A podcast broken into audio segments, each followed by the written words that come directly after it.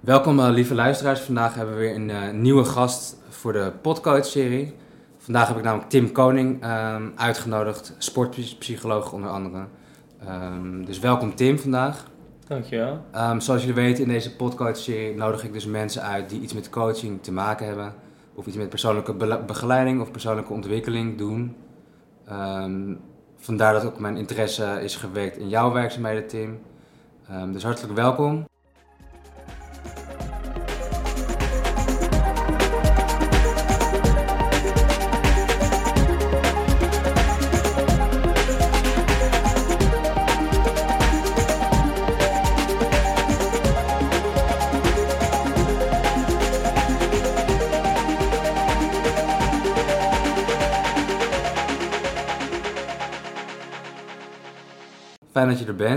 Ik ken, je, ik ken je natuurlijk al uh, wat langer en uh, je hebt ook uh, een, een bijlesschool hier toevallig bij mij om de hoek. Dus daar loop ik vaak langs, even te zwaaien. dan zie ik je vaak zitten met middelbare scholieren. Dus dat is wel een leuk verhaal dat ik dan je vaak daar voor het raam zie staan.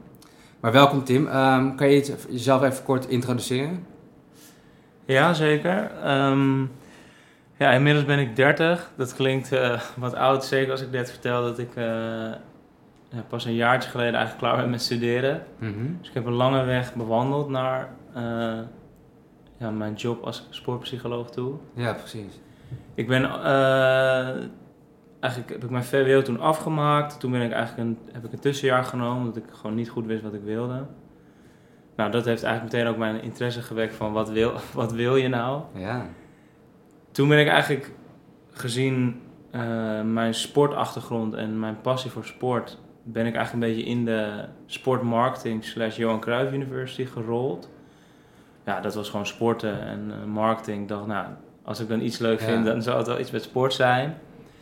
Nou, die afgemaakt. Uh, eigenlijk kwam ik er halverwege wel al achter dat de marketing niet echt, niet echt iets, iets is wat, ik, ja, wat mij aanspreekt ik heb het uiteindelijk zo geformuleerd dat marketing ja. vind ik tegen de mens.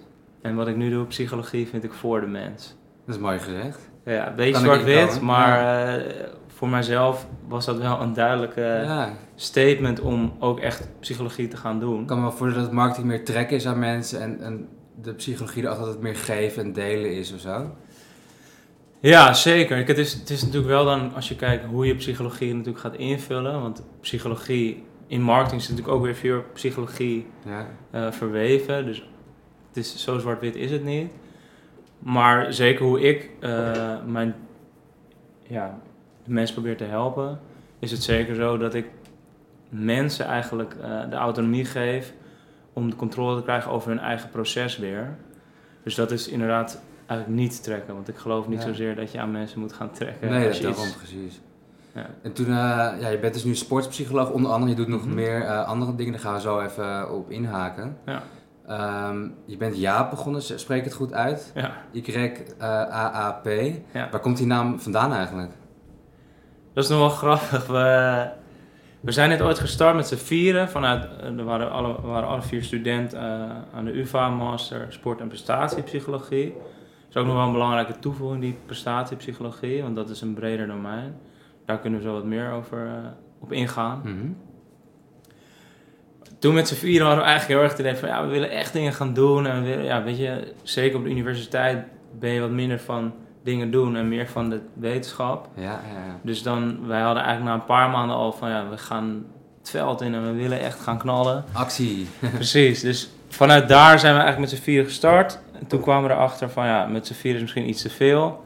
Dus toen viel er eigenlijk al best wel snel eentje af. Mm Toen is de derde, heeft eigenlijk een andere studierichting nog gekozen, klinisch. Die vond toch de klinische kant iets interessanter. Ja. Nou, toen bleven we met z'n tweeën over.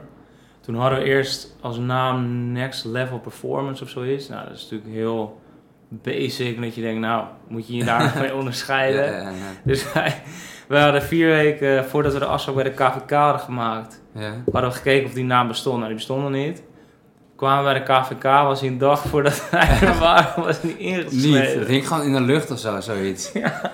Oh, maar uiteindelijk waren, zijn we er wel heel blij mee, omdat het, ja, zeker als ik het nu ook weer uitspreek, denk ik, jezus, wat is dat echt voor verschrikkelijk. Next level performance, ja. ja.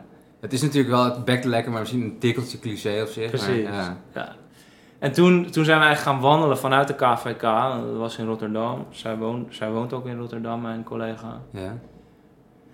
Het was een mooie dag. Toen hebben we ook eigenlijk de Prosecco opengetrokken. Omdat we natuurlijk... eh, ja, een nieuw bedrijf met z'n. Het was 11 uur s ochtends, maar ja, waarom niet, hè?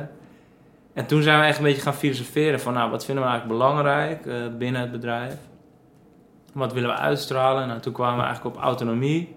Dus een van de A's binnen Jaap staat ook voor autonomy Ah, de autonomie.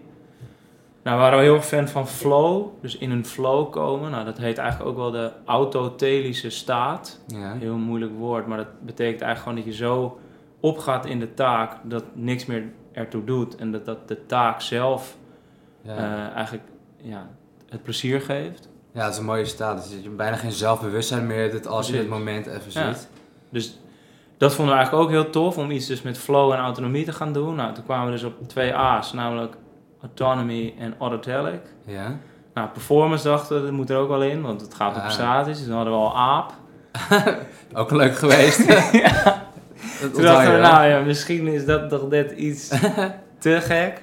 En toen kwamen we eigenlijk met your. Ja.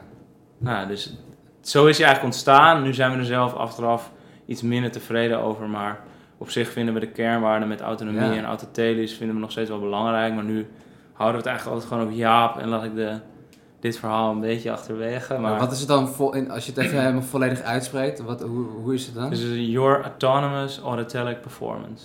Ah ja, ja. En dat zijn dan ook de kernwaarden waarop jullie dit eh, bedrijf eigenlijk stoelen. Ja. Dus autonomie, en mensen in een Mhm. flow, een natuurlijke manier van zijn eh, brengen. Ja. En performance verhogen. Zeker, ja. Mooi. En kan je daar iets, over, iets meer over vertellen? Hoe doe je dat? Eh, mensen hun performance verhogen bijvoorbeeld, om daar even mee te beginnen, met de laatste letter. Ja, bi- binnen eigenlijk de sport, sportpsychologie, dus dan, dan koppel ik het nog wel even los van sportpsychologie en prestatiepsychologie. Binnen de sportpsychologie worden prestaties eigenlijk natuurlijk als je maakt van een 8 een 9. Als we het van, een, van cijfers hebben van 0 tot 10. ja. Binnen de sportpsychologie zorg je ervoor dat een 8 een 8,1 of een 8 een 9 wordt. Dat is een beetje het doel. Het meetbare resultaat. Ja, dus daar, dat wil je bewerkstelligen. Hè? Dat iemand net wat beter presteert, zodat hij wel een medaille haalt. Of zodat hij Ja. eh, ja, zichzelf blijft verbeteren. Dat is uiteindelijk nog veel mooier, want daar heb je controle over. Mhm. Maar, en dat is ook echt een duidelijke maar, Ja. je zit dan heel vaak al op quick fix. Want sporters zitten al in een enorm proces, waarbij ze al enorm veel patronen hebben gehad. Ze hebben heel verschillende trainers gehad. Van elke trainer hebben ze van alles wat meegesnoept. En we hebben het nu wel echt over topsporters, of niet? Ja. ja. Nou, wat je dan eigenlijk gaat zien is, jij wordt dan bij wijze van ingevlogen om even een brandje te blussen. Want sporter X eh, heeft toch wel veel faalangst voordat hij start. Eh, ja, dan, dan, Oh, ja. dat gaat natuurlijk over het mentale. Dus denk nou, wie moeten we hebben? Nou, laten we maar even kijken of sport, sportpsycholoog ons kan helpen. En dan kom je vaak echt op quick fix tools Ja, uit. symptoombestrijding een beetje. Precies, en Ja. dan heb je het over visualisatie, eh, over doelen stellen, over zelfspraak. eh, ja, dat heet de pre-performance routine, de PPR. Oh ja. Dus hoe, hoe breng je jezelf eigenlijk in een bepaalde flow of staat, zodat je gewoon optimaal voordat je aan de start staat, ready bent to go. Maar heeft het ook mee te maken dat je je gedachten conditioneert om, om in, je- in jezelf te geloven bijvoorbeeld? Of om empowerment-achtige dingen tegen jezelf te zeggen? Zeker, ja. Dus dat, dat, dat hoor je vaak. Dat soort Q-words wordt het dan genoemd. Dus we hadden een leuk interview met Jamil Samuel. Zij is ook... eh, zij doet mee aan de 60 meter horde. Zij is eigenlijk de Atletiek, tweede eh, van Nederland. Ja, ja. atletiek. Eigenlijk de, de, de sprinter achter Daphne. En dan zie je, zij heeft gewoon één Q-word wat ze dan zegt. Dat is een Japans woord. Het, even uit mijn hoofd. Gros heet het volgens mij wat zij zegt. En dat betekent eigenlijk voor haar, ik maak iedereen af. Kapot maken. Precies, kapot maken. Vlammen. Dus voordat zij eigenlijk. eh, en ze moet dat dan ook op een juiste moment zeggen, want zij moet dan optimaal geconcentreerd blijven totdat ze het startschot hoort. Dus dan Oh. echt iets van 12 seconden voor de start zegt ze dat. En dan komt ze in zo'n adrenaline Oh, kick rush dat ze gewoon ja, op het startschot eruit schiet. Het is haar truc om in een bepaalde state of mind te komen. Dus. Ja. En kijk, dat is voor iedere sporter anders. Kijk, ik, ik, ik heb dan nu Jamil Samuel gesproken en die vertelt mij dit. Ja. Maar een Daphne Schippers of nou ja, jij, jij zou weer een hele andere routine hebben. De ene, als we Ja. Nadal natuurlijk als voorbeeld nemen, die is zo, nou eigenlijk richting OCD, nou, dat is een com- Ja, dwangmatigheid. precies, Ja. de, de dwangmatigheid. Nadal is heel erg van de dwangmatigheden, want hij weet dat dat in het verleden eigenlijk altijd goed is gegaan als je het op die manier deed, dus bouwen we daarop voor. Ja, ja. Dus dat bijgeloof in sport, dat komt een beetje in de buurt van die pre-performance routine. Een beetje van associatieve eh, programmeringen of zo. Dat je, Ja. als dit gebeurt, dan, dan presteer ik goed. Of dat je die linkjes met elkaar legt. Ja. Is dat echt zo? Of is het meer een soort mindfuck of een soort leugentje wat je voor jezelf nodig hebt? Of zo? Er, er zijn wel echt onderzoeken naar gedaan ook. En dan blijkt wel echt. eh, ja, het is ook heel lastig om daar natuurlijk onderzoek naar te doen. Juist omdat het zo enorm uiteenloopt wat Ja. die routines zijn. En wat het effect daarin is van op, voor die sporter. Ja, tuurlijk. Maar eigenlijk is het een beetje onzin, ja. Ja, Dat is wat de meeste on-. Ja, dus dat, dat is het. Precies. En wat is jouw rol erin? Stel, in mijn broertje Loan, die is nu topturner ook. Dus hij zit in, de, in het instroomteam voor de Nederlandse selectie sinds dit Oh. jaar. Ehm, dus dat betekent dat hij echt de, de wereldcup kan meedoen. En als, Zo. als hij dan echt zo door zou gaan, kan, kan, je, kan hij instromen voor het Olympische team. eh, als, het echt, als hij echt goed eh, door blijft gaan. Ehm, maar stel je voor dat hij naar jou toe komt en zegt van ik wil toch mijn prestaties verbeteren. Wat, wat zou jouw rol dan kunnen zijn daarin? Of hoe, hoe zou je dan te werk gaan? Ja, allereerst is het wel vaak zo dat sporters, dus zeker sporters, daarom maak ik ook het onderscheid. Die komen echt vaak met een hulpvraag. Van nou, ik merk dat mijn prestaties achteruit gaan. Of ik merk dat ik tegen dingen aanloop waar ik vroeger niet tegen aanliep. Dus met die hulpvraag kan je dan natuurlijk eigenlijk gewoon heel gericht aan de slag.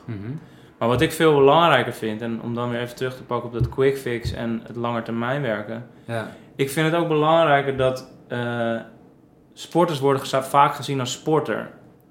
Dus ze maken zichzelf eigenlijk een soort identiteit aan waarin je sporter bent. Mhm.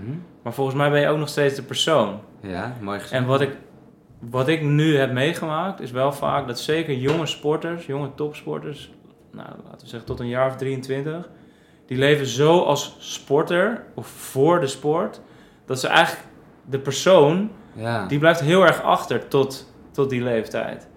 Terwijl ik geloof juist, als het fundament, jouw persoon, zo krachtig is, dan is dat stuk- stukje topsport, dat plak je erop. Mhm. En daar zie ik wel, ja, bij, dus bij die jonge Ah. topsporters, dat daar wel echt eh, ja, te weinig aandacht voor is. Dus dat is wel waar ik ook op ga inzoomen met dat soort. De identificatie met wat je doet, eh, het, het sporten dus zo. Ja, en dat. We, we hebben in sportpsychologie hele mooie schalen, motivatieschalen. Nou, aan de linkerkant staat natuurlijk helemaal de excentrieke schaal. Dus je bent Mhm. excentriek gemotiveerd. Aan de rechterkant staat intrinsiek gemotiveerd. Dat is natuurlijk wat je wil. Op plezier, op passie. Maar binnen, de of de, binnen die schalen zitten er ook nog drie subschalen. En een van die schalen is dat je dus ook de sporter bent. Dus je, dat heet volgens mij...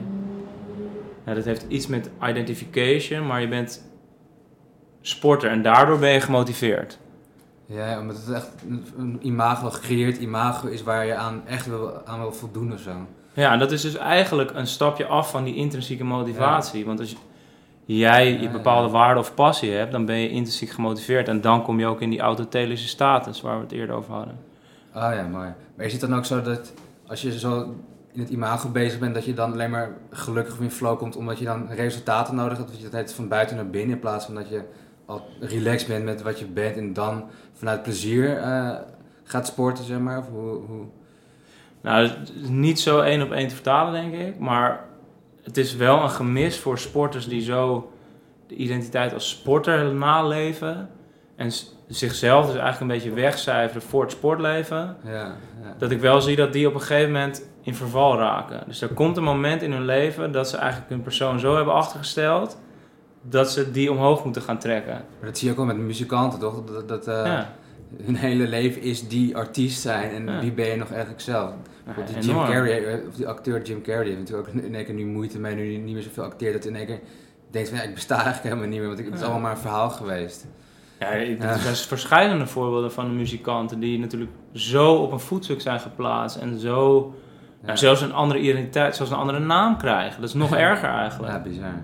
Ja. En nou ja, je ziet, er zijn genoeg voorbeelden van mensen die zijn overleden aan het alcohol, drugs of zelfmoord. Ja, ja, ja. Die, die, die dat niet meer aankunnen. Die waar eigenlijk de persoon zo ver is achtergebleven dat ze hem zelf niet meer omhoog kunnen trekken. Ja, bizar, ja. En eh, de laatste tijd is het boek Ikigai heel erg populair. Dus altijd al het levensfacet in balans zijn en zo. Mhm. Want in dit kader van, van die schalen die je net zei, intrinsiek, extrinsiek, extrinsiek. ehm, wat is een ideale balans dan voor een topsporter? Om eh, in een chille flow te komen of zo? Hoe, eh, Nou ja, wat, wat ik, ik heb eh, ook dus acht echt topsporters geïnterviewd. En daar kwam eigenlijk elke keer naar voren, je moet, je moet het vanuit je plezier en passie doen. Als dat vlammetje weg is, dan, dan, ben je, dan ben je het ook kwijt. Dan kom je ook niet meer in die flow, dan, dan is het weg. mhm. Dus die passie en plezier, eh, dat is eigenlijk heel belangrijk en bepalend voor je prestaties. En ga je dat dan activeren of, of verstevigen of zo? Of weer her- laten hervinden? Of hoe, wat doe je daar? Ja, dus, dus dan kom je eigenlijk weer terug op dat, dat persoonverhaal. Want als sporter zijn, je kan zo in je sport opgaan en je naar de sport leven. Maar waar doe je het eigenlijk nog voor? En dan, Ja. dat zie je dus ook. Dat, nou, er zijn, daar zijn ook voorbeelden van, zeker van de handballers de laatste jaren. Dat ze eigenlijk stoppen met handbal, terwijl ze op de top van de top spelen. En dan zeggen ze ook eigenlijk, ja, maar ik vind handbal helemaal niet meer leuk. Dus ze hebben zo lang als sporter eigenlijk nou ja, gewerkt naar de top. En op het moment dat ze de top hebben, Mhm. weten ze eigenlijk helemaal niet meer of ze dit wel willen. Ja, En stoppen ze. Ja. En dan wordt het inderdaad tijd om, hé, hey, wie ben ik eigenlijk? Eh, wat vind ik dan wel leuk? En dat is natuurlijk, als je die basis kan ja, terugvinden of hervinden, of hoe je het wil noemen. eh, dat is voor mij in ieder geval het fundament van mijn werk. Maar het kan ook zijn dat ik bij jou kom, stel je voor ik ben een topsporter, dat ik na een traject bij jou erachter kom van shit, dat verlangen, die passie, dat is eigenlijk helemaal niet zo sterk. Ik, ik wou het eigenlijk alleen maar omdat het van mij werd verwacht, omdat iedereen zei, oh ben je toch een goede voetballer? Of, oh, Ja. En dat ik nu dan ontdek van, ik wil toch eigenlijk liever eh, professor worden of uitvinder Ja, of zo. En dat, dat, dat, dan breng ik mezelf soms ook wel eens in een lastig pakket. Ja, Want je hebt ook te maken met ouders, zeker met jongere sporters. precies. Zie je dat ouders daar nog wel een hele belangrijke rol in spelen. Ja, En ouders hebben natuurlijk een hele andere verwachting als ze hun kind naar mij sturen. Want zij betalen ook vaak. ah, ja. Dus, dan zie, dus dat Ja. is echt dat- eigenlijk vanaf het begin al gewoon verwachtingsmanagement. Dat is wel, ja, ik kan me voorstellen. Doe me denken aan die, aan die clip van Jiske Vet. Dat die, zo'n die vader zo'n zoontje maar uitcovert die eh, niet presteert op voetbal, zeg maar goed. Ja, Eh, maar dat wordt onderschat hoe belangrijk ouders natuurlijk in dat hele proces zijn. Ja, En wel, wat voor effect eigenlijk ook hun gedrag kan hebben op, Ja. op het kind of op de het sportende kind. dus zij betalen ook om te zeggen, hier maakt mijn kind eigenlijk een betere eh, Ja. sporter. En dan kom, kom je erachter dat het misschien helemaal niet zijn of haar roeping is of zo. Of jij zegt me wel. Ja. Fascinerend. Ehm, je hebt het ook over gedrags... Er, gaat, er komt even een hele heftige helikopter voorbij. Ik weet niet of dat te horen is in de microfoon. Ehm, anyway, we hadden het over, gedrags, eh, over gedrag positief beïnvloeden van mensen. Mhm. Ehm, we hebben het net over gedachten ook gehad, mindset, maar hoe, wa- wat zie je in het gedrag dan terug van sporters, waar, waar wat verbeterd kan worden bijvoorbeeld? Nou, eigenlijk moet ik dan even een driehoek uitleggen waar, waarvanuit ik vaak werk. Mhm. Eh, dat is een driehoek, die heeft drie lagen. Waarbij de onderste laag eigenlijk de overtuigingen zijn. ja, De laag daarboven vaardigheden. En de toplaag is het gedrag. Maar wat wij vaak doen, als, nou, ook als coaches, maar ook als sportcoaches. Wij zien wat, wat zichtbaar is, is natuurlijk het gedrag. Dus wij zien, eh, nou, laten we een leerling pakken of een student. ja, Wij zien dat een student eigenlijk niet, niet meedoet in de les. ja. Nou, wij kunnen daar als docent kunnen wij daarop reageren. En dat kan op verschillende manieren natuurlijk. Maar ik vind het juist interessant om te weten waarom vertoont hij dit gedrag. ja, precies. Nou, dan kom je eigenlijk al uit bij de onderste laag meteen, dat zijn die overtuigingen. En als je met die overtuigingen aan de slag gaat, en hij gelooft bijvoorbeeld dat zijn vaardigheden wel zijn te ontwikkelen, dan zul je ook weer ander gedrag gaan zien. ja, ja, ja. Dus die driehoek is wel leidend in mijn werk. Dat, eh, en dat betekent ook dat het dus langer termijnwerk wordt in plaats van quick fix werk. Dat je echt gaat kijken naar de overtuigingen die die persoon heeft, de waarden die die persoon heeft. En dat is de onderkant van de, py- van de piramide, Ja. of niet de driehoek, zeg maar. Dus, dus een overtuiging, en wat is die middelste dan? Vaardigheden, Vaardigheid en dan gedrag. gedrag. Oh ja, ja. Dus je gaat eigenlijk wel sleutelen in iemands overtuigingen. Ja. Ja, dus een hele Ja. leuke eh, opdracht die ik dan wel eens doe met eh, sporters of met cliënten, is dat ik zeg, nou, wat hoop je nou dat mensen op jouw grafsteen schrijven? ja. Begin lekker bij het dan einde. denken mensen, wat is dit nou voor een rare vraag? Hè? Dat is wel een beetje lachen. Maar als je nou echt, echt over na gaat denken, dus ik wil eigenlijk de vraag aan jou stellen. Ja. Wat wil jij nou dat mensen... Nou, ik, ik vind het een mooie vraag, want het heeft, ik toevallig in een ander kaart bezig gaan. Want ik ben net toevallig recent een beetje gestopt met mijn eigen evenementen en DJ'en. Oké. Ehm, even een zijtakje hoor. En het heeft er mede mee te maken dat ik mezelf voorstel van, goh, stel je voor, je ligt inderdaad op je sterfbed en ik was alleen maar DJ geweest. Dat was voor mij dan echt zoiets, dan heb ik voor mij echt niet mijn potentie Hmm. volledig gebruikt. Of was het niet de voldoening die ik uit het leven zou kunnen halen. Dat is een van de redenen dat ik dat ook daarmee stopte. Want ik dacht, nou, een potentie ligt helemaal ergens anders. Dus op mijn grafsteen wil ik dat mensen mij onthouden als iemand die bepaalde raad geeft of een bepaalde soort eh, mensen inzicht biedt, waardoor je Mhm. denkt, waardoor je jezelf beter leert kennen. Zo- Zo'n soort effect vind ik echt waanzinnig. Dus eigenlijk in alles wat ik doe, hoop ik dat mensen zichzelf beter leren kennen en daarmee dus zelf aan de slag kunnen gaan om een nog een mooier leven te leiden of meer inzicht of wijzer door het leven te gaan. eigenlijk. Ja. Dus als je, dan één, als je dan naar één woord zou vertalen, wat zou er dan op jouw grafsteen moeten staan? Ehm, geeft mensen nieuwe inzichten. Oh, dat één woord zeg je. De ja. inzichtgever. Heel mooi. Dan wordt het een soort identiteit of een soort passie of een soort talent eigenlijk. Ja. Dus ik heb zo'n laatst een training zoek je talent. Toen was het Ah, echt aha in zich bieden. Dat is ook geen één woord, maar dat staat ook op mijn foto op mijn werk. Aha in zich bieden. Mhm. Ehm, dus eigenlijk mensen meer, meer bewustzijn, eh, of meer sleutelen mensen bewustzijn. En dat ze eh, daarmee hun gedrag efficiënt kunnen Ja. aanpassen. Dus ook, het zit ook in overtuiging, want ik merk dat mensen enorm veel overtuigingen over zichzelf hebben. Dus ze hebben bepaalde gedachten voor waar aangenomen. Kan het niet of kan het juist wel goed.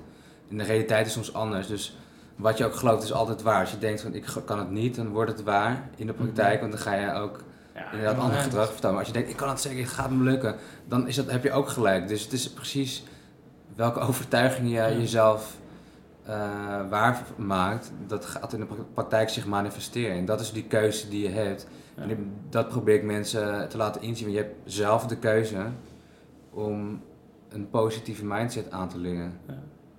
Ja, zeker. Het, het, daarin is natuurlijk wel wat we zien. Ik vind dat altijd wel een leuk feitje. In Amerika is er onderzoek gedaan. eh, vanaf 2012 is de fitnessbranche echt met 500% gestegen. Ja, Maar aan de andere kant zien we dat het overgewicht ook met 60% is gestegen. Hoe gaan we dat met elkaar rijmen? Dus aan de ene kant zien we dat mensen veel meer, nou, we weten natuurlijk nog niet het getal, maar veel meer bewegen, want ze zitten meer bij sportscholen. En aan de andere kant zien we dus dat het overgewicht nog meer stijgt. een rare correlatie eigenlijk. Ja. ja. Dus, maar dan denk ik, kijk, me- men- tegenwoordig zit het dan niet meer in de kennis, want kennis is er genoeg. We kunnen overal kennis vandaan plukken. Mhm. Alleen, volgens mij is er bijna een soort van overkill aan kennis, dat het helemaal niet meer wordt opgenomen. ja. En we zitten in zulke patronen vast en alles is zo makkelijk gemaakt, dat we eigenlijk ons gedrag wordt bijna gewoon helemaal gestuurd. ja. Ja, Dan kom je bijna uit op een hele discussie tussen op bestaat vrije wil wel of niet. Die wil ik niet meenemen, maar dat is wel een beetje wat je natuurlijk nu ziet. Ja, je hebt natuurlijk een overkill aan informatie. En ga daar maar eens je eigen waarde in zoeken. En dat is gewoon de uitdaging in deze tijd. Van ga op zoek naar je eigen waarde en je eigen Ja. overtuigingssysteem. En blijf het toetsen. Want ik vind vandaag wel dat het zus is. Maar dat hoeft niet definitief te zijn. Misschien is het morgen wel weer anders. En wil ik helemaal geen sporter worden. Maar vond ik sport zo leuk omdat ik gewoon het beste uit mezelf haal. Maar doe ik dat liever nu op geestelijk vakgebied en word ik leraar of zo. Of Ja. sportleraar of wat dan ook. Maar nog heel veel terug naar die gasten. Vind ik wel leuk. Ik wil even terug aan jou vragen. Ja. Ik moest er natuurlijk even over nadenken. Maar wat staat er bij jou, eh, of gaat er bij jou op staan dan? ja, daar vraag je me wat. Dat is leuk hè? Practice what you preach. We krijgen gewoon lekker over je eigen bordje weer. eh, als een boomerang eh, effect. Ja, nou misschien moet dat er wel op staan. De boomerang. Mr. Boomerang.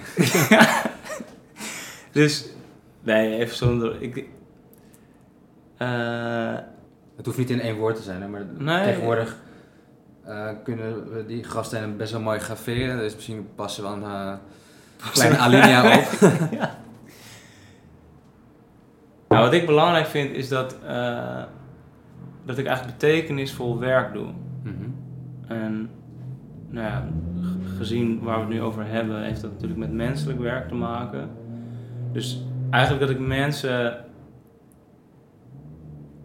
uit hun sleur haal en in hun full, ja, full potential kan zetten. Dus eigenlijk een soort omslagpunt in hun Ja. leven waar ik onderdeel van ben. En wat is je sleur dan? Wat, wat zie je dan? Ja, ik zie genoeg mensen om me heen die eigenlijk werk doen wat ze totaal niet leuk vinden. Die, komen, ja, die gaan om 8 uur naar hun werk, die komen om 6 uur thuis, die ploffen op de bank en dat is, dan, dat is het dan. Ja. Die krijgen geld op een rekening gestort. Sorry, is niet wat ik bedoel, maar een, brood, ik zie een broodbaan, zeg maar. Om een brood op de plank te hebben. Ja. Ja. En natuurlijk, geld is leuk, maar als we het dan weer over motivatie hebben, dat is natuurlijk keiharde extrinsieke motivatie. Ja. Ja, en op den duur, ik denk dat dat ook aan de grondslag ligt dat er nu zoveel burn-outs zijn. zeker. ja. mensen staan niet meer in contact met nou, wie, wat wil je, wie ben je, eh, wat zijn jouw waarden, wat vind je belangrijk in het leven. Ja, echt hè. Want eh, je, je werkt dan gauw echt, eh, wat is het, 30% van je leven, zomaar even een gok te doen. En is het zonde om dat maar op routine te doen of in die sleur inderdaad. Terwijl je echt jezelf kan ontwikkelen en kan, eh, ja, je potentie kan gebruiken in werk. En het is zonde als je dan dat opgeeft. Want Ja. dat is natuurlijk een, natuurlijk ga je altijd tien keer op je bek, maar ehm excelleren in je, in je werk is natuurlijk ook gewoon het continu corrigeren van fouten of, of, of, of je richting heb, je niet goed gekozen. Ja, het kan gebeuren, dan ga je gewoon weer verder kijken. En het kost veel energie en, en daadkracht, maar het is zonde als je inderdaad op een soort routine uitkomt. Van Ja, dat zie, je, eh, zie ik wel veel om me heen. Ja, Dat dat, gebeurt. want jij doet natuurlijk, even hierop door te gaan, jij doet natuurlijk met Jaap ook dingen voor eh, met, dat mensen meer met plezier werk kunnen doen. Dus daar vind ik ook een mooie link met, met, het werk wat ik zelf doe. Ehm, jij ziet dat dus veel om je heen. Ehm, wat, wat, wat, wat doet het met jou dan? Als je dat zo ziet, de mensen op zo'n routine. Ja, ik ben er wel van geschrokken. Ja, Dat, nou even omdraaien. Ik krijg vaak namelijk de vraag gesteld van mensen ook om mij heen. Van Jezus, hoe kan, jij, hoe kan je het zo druk hebben en met zoveel energie alles aanvliegen? Met het enige antwoord dat ik kan geven. Ik doe iets wat ontzettend dicht bij, mij, bij, mijn, bij mijn hart, ja. hoe je het wil noemen, ligt. En daar krijg ik energie van. ja zo werkt Dus het. mijn werk kost me geen energie, maar het geeft me eigenlijk energie. Ja, dat is het mooiste. Ja. Dus als Ja. jij, en dat, dat, ja, dan zeggen mensen, ja, doei. Maar het is echt zo. Als jij inzicht ook krijgt in jouw, ik noem het maar even energy givers en energy suckers. Ja, Als jij daar eens gewoon een lijstje voor, voor jezelf gaat maken van, hé, hey, wat, wat, wat kost me nou eigenlijk allemaal heel veel energie? Maar waar krijg ik eigenlijk energie van? Nou, als je dat gewoon, dat is een simpel lijstje. Maar ja, als je daar eens goed over na gaat denken, dan krijg je al heel veel, heel veel inzicht in je leven van, zeker. hoe kan ik eigenlijk zo ver mogelijk van die energy suckers vandaan blijven? Ja, ja.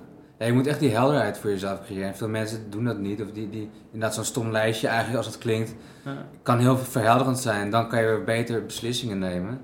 Dat enerzijds, maar ook wat ik veel merk is dat mensen echt in contact met hun purpose moeten komen. Van wat, Ja. wat inderdaad die grafsteen bijvoorbeeld, of wat zijn mijn waarden. Mhm. Dus in alles wat ik doe, vind ik dit en dat belangrijk.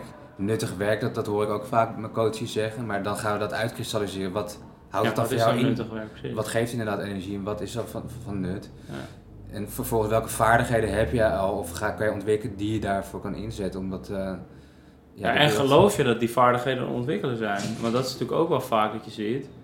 Dat mensen eigenlijk zo ja, deter, deterministische gedachten hebben van... Nou, ik heb een bepaalde set met genen en hier moet ik het maar mee doen. En nou, la- laten we het dan even bij sport houden. Ik kan niet voetballen, want ik heb één keer gevoetbald en ik kan het niet. Ja, Maar we denken dan ook te vaak van, nou, met deze set genen kan ik dingen niet. Maar als jij gelooft, dus als je overtuiging is dat die vaardigheden te ontwikkelen zijn, dan zul je Ja. dus ook heel ander gedrag gaan tonen. ja. En dan moet je nog in actie komen om het te gaan trainen en, en de verantwoordelijkheid Tuurlijk. willen dragen. En door de pijn heen willen gaan. Want ja, dus, natuurlijk topsport is ook gewoon pijnlijk af en toe om, je heel veel Zeker, moet ja. opofferen volgens mij ook wel. Ja, Sociaal enorm. leven en dat soort dingen. Ja. Eh, Maar de- waarom, doen, waarom kunnen topsporters dat? Dat ze doen wat ze eigenlijk echt willen. ja, echt die, die focus. Ja. Ja, en, en, en in- nog even bij, om bij de arbeidsmarkt te blijven. Mhm. Veel burn-out, eh, inderdaad. Ja. Eh, mensen die niet meer in lijn staan met wat ze doen en wat ze eigenlijk echt van binnen weten? Want help je die mensen dan ook te ontdekken wat dat dan is, waar, waar dat ze dan echt zijn en willen? Ja. Leuke oefening die ik daar wel mee doe is het regelboekje noem ik het. Dan moeten ze eigenlijk een regelboekje van mij kopen. Altijd een pennetje, heel klein regelboekje, pennetje mee. En dan moeten ze dus gaan opschrijven wat ze allemaal van zichzelf moeten. Mhm. Dus ik zit ook heel erg op taal. Wat moet je nou allemaal van jezelf? Nou, dat is echt zo'n echt een boekwerk vol. Ja, Echt, dan houden ze dus dat echt per dag bij. Ja, ze schrikken er zelf ook van. Dat is natuurlijk het mooiste van het werk. Dat, dat je ook mensen eigenlijk zelf het inzicht geeft. En dan heb je het weer over waar we in het begin over hadden. Ga je aan mensen trekken of laat je mensen zelf dat inzicht opdoen? ja, tuurlijk. Nou, dat ja. laatste is natuurlijk veel mooier met zo'n regelboekje. Ze Ja. schrikken zich een hoedje wat ze allemaal van zichzelf moeten. Het zijn eigenlijk een beetje de perfectionisme, perfectionisten. Ja, maar ook ik, weet je. Ja. Ik ben dan... Ik pretendeer nu een of andere sportpsycholoog te zijn die het allemaal wel weet. Maar ook ik moet heel veel van mezelf. Ja, Alleen dat inzicht, dat er dingen van jezelf moeten en dat dat er ook soms bij hoort. Dat is eigenlijk al stap 1. En als je dan helemaal die lijst hebt, dan zul je echt veel dingen kunnen gaan schrappen. En misschien ook wel eens kunnen veranderen in willen. ja, Want moeten roept vaak weerstand op. En willen is omdat je exact. eigenlijk vanuit jezelf iets wil. Ja, het fascineert me altijd wel, inderdaad. Dat kom ik ook wel vaak tegen. En dat, dat moeten is dan toch ook weer vaak verwachting van andere mensen willen voldoen. Of gecreëerd zelfbeeld of een Ja. bepaalde standaard die je ooit heel hoog hebt ingezet om maar goed te zijn. Dus als ik al mijn to-do-listjes afwerk, Ja. dan mag ik me pas goed over mezelf voelen. Dan mag ik mezelf belonen. Als ik eerst de- hoge cijfers haal, dan is het goed. Of als ik dit doe, dan is het goed. Dus de hele tijd verleggen, even van buiten naar binnen weer. Om jezelf, je zelfbeeld goed eh, te houden. En dat is echt een patroon eigenlijk. eh. Ja, kijk, als jij wakker wordt en je moet naar je werk, letterlijk zeg ik het nu al, je moet naar je werk. Ja, En als jij die gedachten meteen al hebt en dat heb je aan een, een paar weken achter elkaar, dan moet je jezelf denk ik echt gaan afvragen, doe ik wel wat ik wil? ja, Doe ik wel wat ik Ja. leuk vind? En dat is dus heel simpel, zit je gewoon op taal dan. ja, ja. Dus dat kan je voor jezelf heel inzichtelijk gaan maken.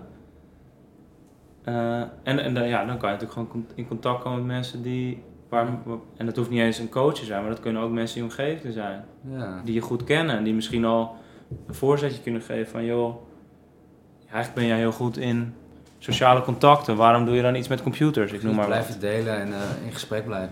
Maar ik, ik werk dus ook vooral met, veel met quarterlivers, of zeg maar de jongvolwassenen. En Ja. ik zie ook wel dat veel mensen voor zichzelf willen beginnen. Die denken van ja, ik ga wel vanuit mijn passie eh, mijn eigen eenmanszaakje beginnen en zo. Dus voor mij is dat ook wel een trend. Want je- tegenwoordig, kijk, als ik naar mezelf kijk, ik heb binnen een maandje heb ik zelf een websiteje geknutseld. En je hebt al eigenlijk een eigen bedrijfje bij wijze van spreken. En zo zie ik dat, dat, dat veel meer mensen dat willen of, of aan het doen zijn. Vind je dat een goede ontwikkeling, denk je? Of- Nou moet ik natuurlijk oppassen wat ik zeg. Ehm, ik heb daar wel mijn twijfels bij, omdat ik denk, eh, inderdaad wat jij mooi ook zegt, is dat het een trend is geworden. Dus dat mensen nu eigenlijk maar wat zijn gaan doen, omdat ze denken dat het leuk is. Mhm. Alleen, ik heb maar daar wel mijn vraagtekens bij of mensen dan echt doen wat ze leuk vinden, of dat ze eigenlijk maar meegaan met de stroming om iets zelf te kunnen doen. Ja, ik- nee, ik, dus ik kan daar niet een eenduidig Nee. antwoord eh, op vinden, maar ik heb daar wel mijn vraag, eh Ja, die is natuurlijk ook wel achter dat, je, dat ze veel vrijheid of autonomie willen. Of niet echt helemaal kunnen aarden in de reguliere arbeidsmarkt, I don't know. Ja. Nou, maar ik stelde jou, eh, voordat we begonnen met opnemen, ook de vraag van, joh, waarom, waarom neem je dan podcasts op? ja. Maar vaak zie je, dat is eigenlijk de waarom-vraag. Waarom, waarom doe jij dit? Of waarom wil je dit doen? Dat, ja, dat mensen daar al tegenaan gaan lopen. Mhm. Van, eh, ja, eh, omdat ik, omdat ik het leuk vind. Oké, maar wat maakt het dan dat het zo leuk is? ja, je kan het helemaal tot, de- tot de bodem. En dan kom je eigenlijk weer van, welk verhaal hou je jezelf voor? Mhm. Want we kunnen onszelf zo brainwashen bijna, dat we onszelf een verhaal voorhouden, Absoluut. dat we dat verhaal gaan geloven en daarna gaan leven. Maar uiteindelijk ligt het altijd iets. Het is natuurlijk heel lekker voor het ego als je bevestiging krijgt in je werk, je wil ondernemen, je, je moet toch jezelf presenteren. En als het succesvol is, is het natuurlijk heel verslaafd of heel leuk als je daarin erkenning krijgt natuurlijk. Ook met, met podcasts. Natuurlijk is het hartstikke leuk om een, Mhm. om een podium eh, te creëren voor mensen die je inspirerend vinden, maar ook voor, voor mezelf natuurlijk. Om, om Ja. ja, meer de massa in te gaan, of meer bekender te worden als coach natuurlijk. Dus uiteindelijk zoek je altijd een soort manier om jezelf te manifesteren natuurlijk. Dus, Ja. en of het nou met sport is of iets wat je echt leuk vindt. En toevallig, ah, ik hou van audio, ik hou van gesprekken. Doe ik het op mijn eigen manier. Maar er zit wel altijd zoiets onder, zo'n soort laag onder natuurlijk. En dat is natuurlijk helemaal niks om je voor te schamen, denk ik. Nee, zeker niet. Alleen omdat alles al tegenwoordig zoveel buitenkantje is, Ja, wil ik eigenlijk altijd wel eerst dat buitenkantje afpellen. Als een onder, jonge ondernemer zeg maar ja, wil gaan starten, denk ik van oké, maar wat zijn precies je beweegredenen? Waarom wil je het doen? Wat wil je bereiken? En precies. dat je eigenlijk veel meer al in die lagen zit voordat mensen ineens al een Facebookpagina en Instagram hebben. Ja. Want ja, dat is toch zo aangemaakt. En al mijn vrienden doen het, dus ik moet meegaan met de stroom en shit. eh, Daar blijf ik achter. Dus- eh, ja. Dat, is vaak, dat, is vaak wel, dat zijn vaak wel leuke, leuke gesprekken hoor. Dus dat Ja. is vaak wel. eh, Ja, precies. En in- inderdaad, ik, ik onderken helemaal dat je je eigen verhaaltjes maakt en dat je je eigen overtuigingen maakt en dat het eigenlijk allemaal gecreëerd ik beeld is en of het allemaal Mhm. en vrije wil is natuurlijk ook weer de vraag. Dus dat houdt me ook wel bezig. ja. Ehm, nog even een ander ehm zijtak, want je doet ook nog, ehm, dus die bijles waar we het even over hebben gehad, dus bij mij in de hoek hier. ja. Ben je daar nog actief eh, mee bezig? Bij de les heet dat? Ja, nee. dus dat is bijles en huisopgeleiding. Dus huisopgeleiding is meer in groepen. Dus komen leerlingen echt naar, de, naar zo'n lokaal toe waar ze eigenlijk begeleid worden. Eh, en een bijles is echt één op één, vaak inhoudelijke hulp. Zelf doe ik dat eigenlijk sinds een jaar niet meer op de vloer. Oh ja. Dan ben ik eigenlijk meer bezig om de docenten die er staan ja, te ondersteunen, te helpen, soms te trainen. Over anderhalf week geef ik ook een training over groei en statische mindset. Aha. Eh, waarbij ik dan ook ouders en docenten uitnodig om nou, eens te kijken Oh, van leuk, joh, welke visie dragen we hier eigenlijk uit bij Harlem bij de les. Ehm, en wat vinden wij belangrijk? En dat is natuurlijk gewoon de ontwikkeling van het kind. Het geloof ook dat een kind in zijn eigen vaardigheden gelooft dat dingen zijn te ontwikkelen. In plaats van de feedback die ze vaak krijgen van ik ben slecht in wiskunde of ik heb, Ja. of juist positief, jij hebt een wiskundeknobbel. Ja, ja, ja. Positief bedoeld, hè? dus laat ik dat voorop stellen. Maar wat je dan eigenlijk als boodschap afgeeft aan zo'n kind, is dat hij er niks hoeft te doen. Want als jij zegt Ah, tegen een kind, je hebt een wiskundeknobbel, dan zeg je dus eigenlijk indirect, ja. je bent er toch al goed in. Je bent al Dus klaar. waarom moet je eigenlijk nog iets doen? Ja, ah ja. Dus eigenlijk wil je ze niet belonen op intelligentie, of, nou, eh, maar juist op hun inzet. Ja, Als jij gaat, gaat belonen, belonen op de inzet, dan zullen ze daar ook naar gaan handelen. Ja, dat vind ik wel inspirerend dat je dat zegt. Het gaat inderdaad niet per se om de geleverde resultaten, maar het systeem Ja. of, of je intenties en inderdaad je, je inzet inderdaad. Ja, mooi. Ja, daar zijn heel, Ja. dat is echt zijn heel leuk onderzoek gedaan door Carol Dweck. Oké. En zij heeft eigenlijk heel erg die groei en status en mindset uitgelicht. En met één, simpel, één simpele praising, heet dat natuurlijk dan in het Engels. Dus bekrachtigen van een leerling. Hebben ze letterlijk nou, een hele groep leerlingen bekrachtigd op je hebt een wiskundeknubbel. Knobbel. Knubbel. Knuppel. Knuppel, je hebt een wiskundeknoppel. Nee, dus je bent heel goed in wiskunde. Of, hé, hey, je hebt hard gewerkt zie ik, dus je hebt een goed cijfer gehaald. ja. Dus aan de ene Ja. kant dus weer die intelligentie versus de inzet. En Ja, als je ziet wat de resultaten daarvan zijn van één simpele zin, dat is schrikbarend. Ja, het is allemaal in, in die communicatie. Hè? Met de communicatie met jezelf eigenlijk ook, maar om, ook hoe je ouders en je leraar met je Ja. communiceren. Ja, mooi. Ja. En denk je dat ieder kind of leerling echt intrinsiek te motiveren valt? Want ik, als ik naar mezelf kijk, ik had echt helemaal nergens zin meer in toen ik 15 nee, ik was. niet. Ik deed helemaal niks op school en Nee. eh, toen ben ik ook van school geschoold. Maar ik vraag me af, ik heb toen ook bijles geha- gehad, was ik dan te redden toen de tijd, vraag ik me wel eens. Want er speelt natuurlijk veel meer dan alleen maar niet goed in, geen wiskundeknol hebben. Maar ja, denk je dat elke leerling dan te redden valt of dat iedereen... eh, Nou, dat Ja. hangt natuurlijk heel erg af van, eh, van wat eronder zit. Dus dat zeg je natuurlijk zelf ook al. Maar je kan wel gaan plakken, maar als er geen fundament is, dan kan je niks plakken. ja. Dus ja, ik, absoluut. Ik, dus ik geloof echt dat kinderen intrinsiek gemo- gemotiveerd kunnen raken, ook binnen school. En dat, daar zien we ook letterlijk de resultaten van. Ehm, maar dat betekent weer, wederom, dat je ook naar het stukje overtuiging moet kijken. Dus je moet, er moet een fundament zijn. Mhm. Als dat fundament er niet is, als ze niet zien waarvoor ze het doen, weet je wel, dat zijn hele basale vragen uit. Maar dan heb je ook niks om op te plakken. Dus dan kan je wel gaan roepen, dan kan je wel allerlei dingen gaan roepen. ja, ja. Maar Ik had dat fundament echt niet. Ik wist echt helemaal niet... Ik had zoiets van, school is nergens goed voor. Ik heb het echt niet nodig. Ik ga mijn eigen gang wel. Ja, Dus- maar dat zie je natuurlijk best... Ja. nou, even, even een natte vingerschatting. Bij 60% van de leerlingen zie je dat natuurlijk. Ja. Dus Ja, precies, ja. alleen, ik vind dus wel, binnen school wordt daar dan te weinig aandacht aan besteed. Ja. En ik ben wel benieuwd hè, wa- waar je nu staat. Hè. Mhm. Ehm, hoe zie je jezelf dan over... Het is een beetje een cliché maar toch levert het wel leuke eh, inzicht op. Hoe, wa- wa- wat, wat wil je over tien jaar eh, doen? Waar sta je dan? Of wat, wat, waar, waar zie, wat zie je dan jezelf concreet doen over tien jaar? Nou, natuurlijk een beetje onder het motto practice what you preach. Mhm. Heb ik eh, voor mezelf eigenlijk vijf doelen opgesteld. Eh, die hangen ook groot in mijn slaapkamer. Ah, uitgeprint en wel. Ja. Geschreven ze, omdat... dat- Handgezet. Oh ja, dat is, werkt natuurlijk nog beter als je uit, uit je eigen hand komt. True story. Eh, ja, want dan, is het ook, dan zie je ook dat het van jou is, snap je? Dus Ja. dat, is letterlijk gewoon hoe het werkt. Ja, ik- ik, ben, ik ben ook met een opleiding bezig nu, Roadmap to Succes van Michael Pilarczyk. En dan doe ik Hmm. ook alles met de hand. En dat is zo anders dan als ik het gewoon op mijn laptopje uittyp. Dat is echt wezenlijk eh, anders, ja. Dus jij hebt dus heb ik vijf doelen uitgeschreven. Ehm, nou, de, de leukste die ik, die ik graag deel is dat ik in 2024 zijn natuurlijk de Spelen in Parijs, Olympische Spelen. Ja, misschien komt mijn broertje er wel bij, wie weet. Dat hoop ik. en dan wil ik eigenlijk gewoon met een sporter, en het liefst natuurlijk met een team. eh, kan ook een team van individuen zijn hoor, maar dan wil ik Oh, ja. natuurlijk gewoon een sportpsycholoog dan aanwezig zijn. Om iemand te begeleiden op de Spelen. Precies. Heb je nog een ambitie qua wat voor sport je het mooist vindt? Of, of maakt dat niet zoveel uit? Nee, want dan, ja, dat, gaat dat gaat mij dus echt om de mens.